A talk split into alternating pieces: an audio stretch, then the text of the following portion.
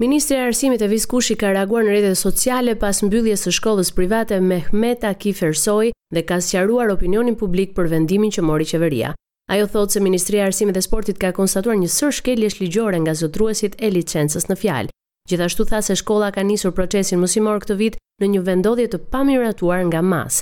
Ajo shkruan më tej se zotëruesit e licencës nuk i kanë plotësuar kriteret ligjore edhe pse nga ana e Ministrisë së Arsimit është kryer dy herë verifikimi i tyre. Ministrja Kushi sqaroi edhe se MAS do të marrë masat e nevojshme për të transferuar njëqind e gjashtëdhjetë nxënësit e shkollës nëpër shkolla të tjera.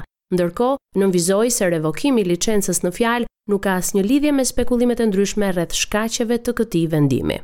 Nga foltorja e Parlamentit zëvendëskryeministrja Belinda Balluku pranoi se Shqipëria nuk ka qenë e përgatitur për një sulm të nivelit që goditi sistemet qeveritare teksa konfirmoi konstatimet e raportit të FBI se hakerat iranianë kanë qëndruar në sistemet tona katërmbëdhjetë muaj. Kanë qëndruar në sistemet tona katërmbëdhjetë muaj sepse kanë qenë në shadow mode, ka qenë të padukshëm. Ne nuk kemi sisteme të avancuara cyber security. Nuk kemi qenë të përgatitur për atak të këtij niveli, ishte e pamundur për ne që të përballonim sulmin e organizuar në katër burime të ndryshme, të mirëorganizuara secili me detyrën e tij. Së bashku duhet të rishikojmë legjislacionin për sa i përket këtij sektori dhe duhet të ketë investime të rëndësishme për të krijuar një mbrojtje që Shqipëria s'ka qenë e përgatitur pasi nuk kemi qenë ndonjëherë objekt i sulmeve të tilla. Të mërkurën, një delegacion i NATO-s i kryesuar nga zëvendës asistenti i Sekretarit të Përgjithshëm për Sfidat dhe Zhvillimin e Sigurt James Appathurai, mbërriti në Tiranë për të asistuar qeverinë shqiptare në nivel politik dhe teknik lidhur me sfidat dhe investimet që nevojiten për rritjen e sigurisë ndaj sulmeve kibernetike. Nga ana tjetër, kryetari i Partisë Demokratike, Sali Berisha deklaroi se sulmi kibernetik në vend ka ardhur nga hakera serbë dhe rusë. Sipas tij, edhe Kosova është sulmuar nga sistemet e Shqipërisë.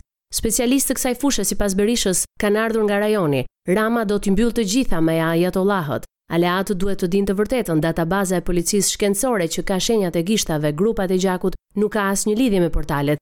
Ka lidhje direkt me ndërhyrje të hakerave të qeverisë që do të zhdukë lidhjet e saj me krimin. Janë me dhjetra orë komunikimi të qeveritarëve me grupet më të rrezikshme kriminale në Shqipëri, Dubai, Amerikë Latine, në Meksikë dhe kudo. Unë mund t'ju deklaroj se personalisht Edi Rama është sipas të gjitha incidenteve ka qenë dhe është nën hetim ndërkombëtar, mbylli fjalën e tij Berisha. Si rrallë herë Sali Berisha zgjodhi të ulet në krah të socialistëve në seancën plenare të së enjtes. Ai tha se ishte një strategji për të dhënë një mesazh. Jo rastësisht për herë të parë unë prita i ulur në një karrike të deputetëve socialistë. E bëra me qëllimin e sinqertë për t'u thënë socialistëve shqiptarë që sot avokatër të vetëm të tyre në parlament janë demokratët dhe do vazhdojmë gjer në fund të jemi zëdhënës të interesave të shqiptarëve pa dallim bindjesh politike. Ky mesazh ishte hapja për thirrjen që drejtoi ai ndaj shqiptarëve ku paralajmëroi greva dhe protesta masive. Por socialistët uljen e Berishës në krahun e tyre dhe deklaratat e tij i cilësuan provokim të hapur. Në parlament Berisha i drejtoi edhe disa pyetje zëvendës kryeministres Balluku, por nuk mori përgjigje pasi kryetarja e Kuvendit i ndërpreu fjalën. Jashtë Kuvendit Berisha iu përgjigj edhe interesit të medias nëse do të shkojë në SPAK për çështjen e privatizimit të ish-kompleksit Partizani pas padisë së bërë nga Taulant Balla. por ai mohoi të ketë marrë fletëthirrje për këtë dhe tha se kjo është një përpjekje mjerane e Ramës për të mbuluar vjedhjet, se dhe Berisha do të shkojë çdo herë që do ta thërrasin në SPAK. Në një intervistë për gazetarin Blendi Fevziu, kryeministri Edi Rama ka dhënë një përgjigje për deklaratën e tij të herëpashershme që nuk varet nga politika dhe vjen një moment që duhet të largohesh nga politika.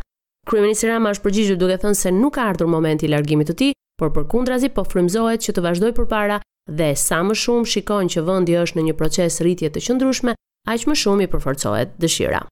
Kreu i SPAK Arben Kraja paralajmëroi ditën e premte hetime shumë të rëndësishme në luftën kundër pastrimit të parave dhe korrupsionit. Deklaratën ai e bëri në një tryezë me përfaqësues të Bashkimit Evropian dhe institucioneve të drejtësisë në vend. Sipas tij, vendi ynë ndodhet në një fazë shumë të rëndësishme që ka të bëjë me integrimin në BE, edhe institucionet e zbatimit të ligjit kanë një rol shumë të rëndësishëm se jemi në një stad pak më të lartë, tha ai. Do kërkohet edhe produkt, jo thjesht institucione, duke përfshirë edhe situatën e kriminalitetit që ndodhet në Shqipëri, e cila kërkon një reagim të fuqishëm të zbatimit të ligjit.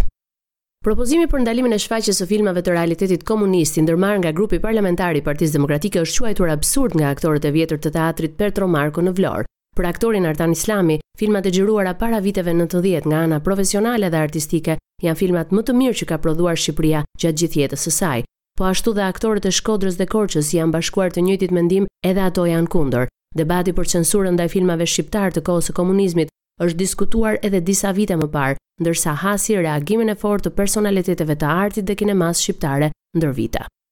Kuqezinjtë kanë zhvilluar seancën e fundit stërvitore në Durrës në kuadër të Ligës së Kombeve. Shqipëria do të sfidojë Izraelin në ndeshjen që do të luhet nesër në orën njëzet e dyzet e pesë teksa ekipi i Edi Rejas ka mbyllur përgatitjet dhe do të fluturojë me çarter drejt Tel Avivit në një udhëtim që pritet të zgjasë tre orë e gjysmë.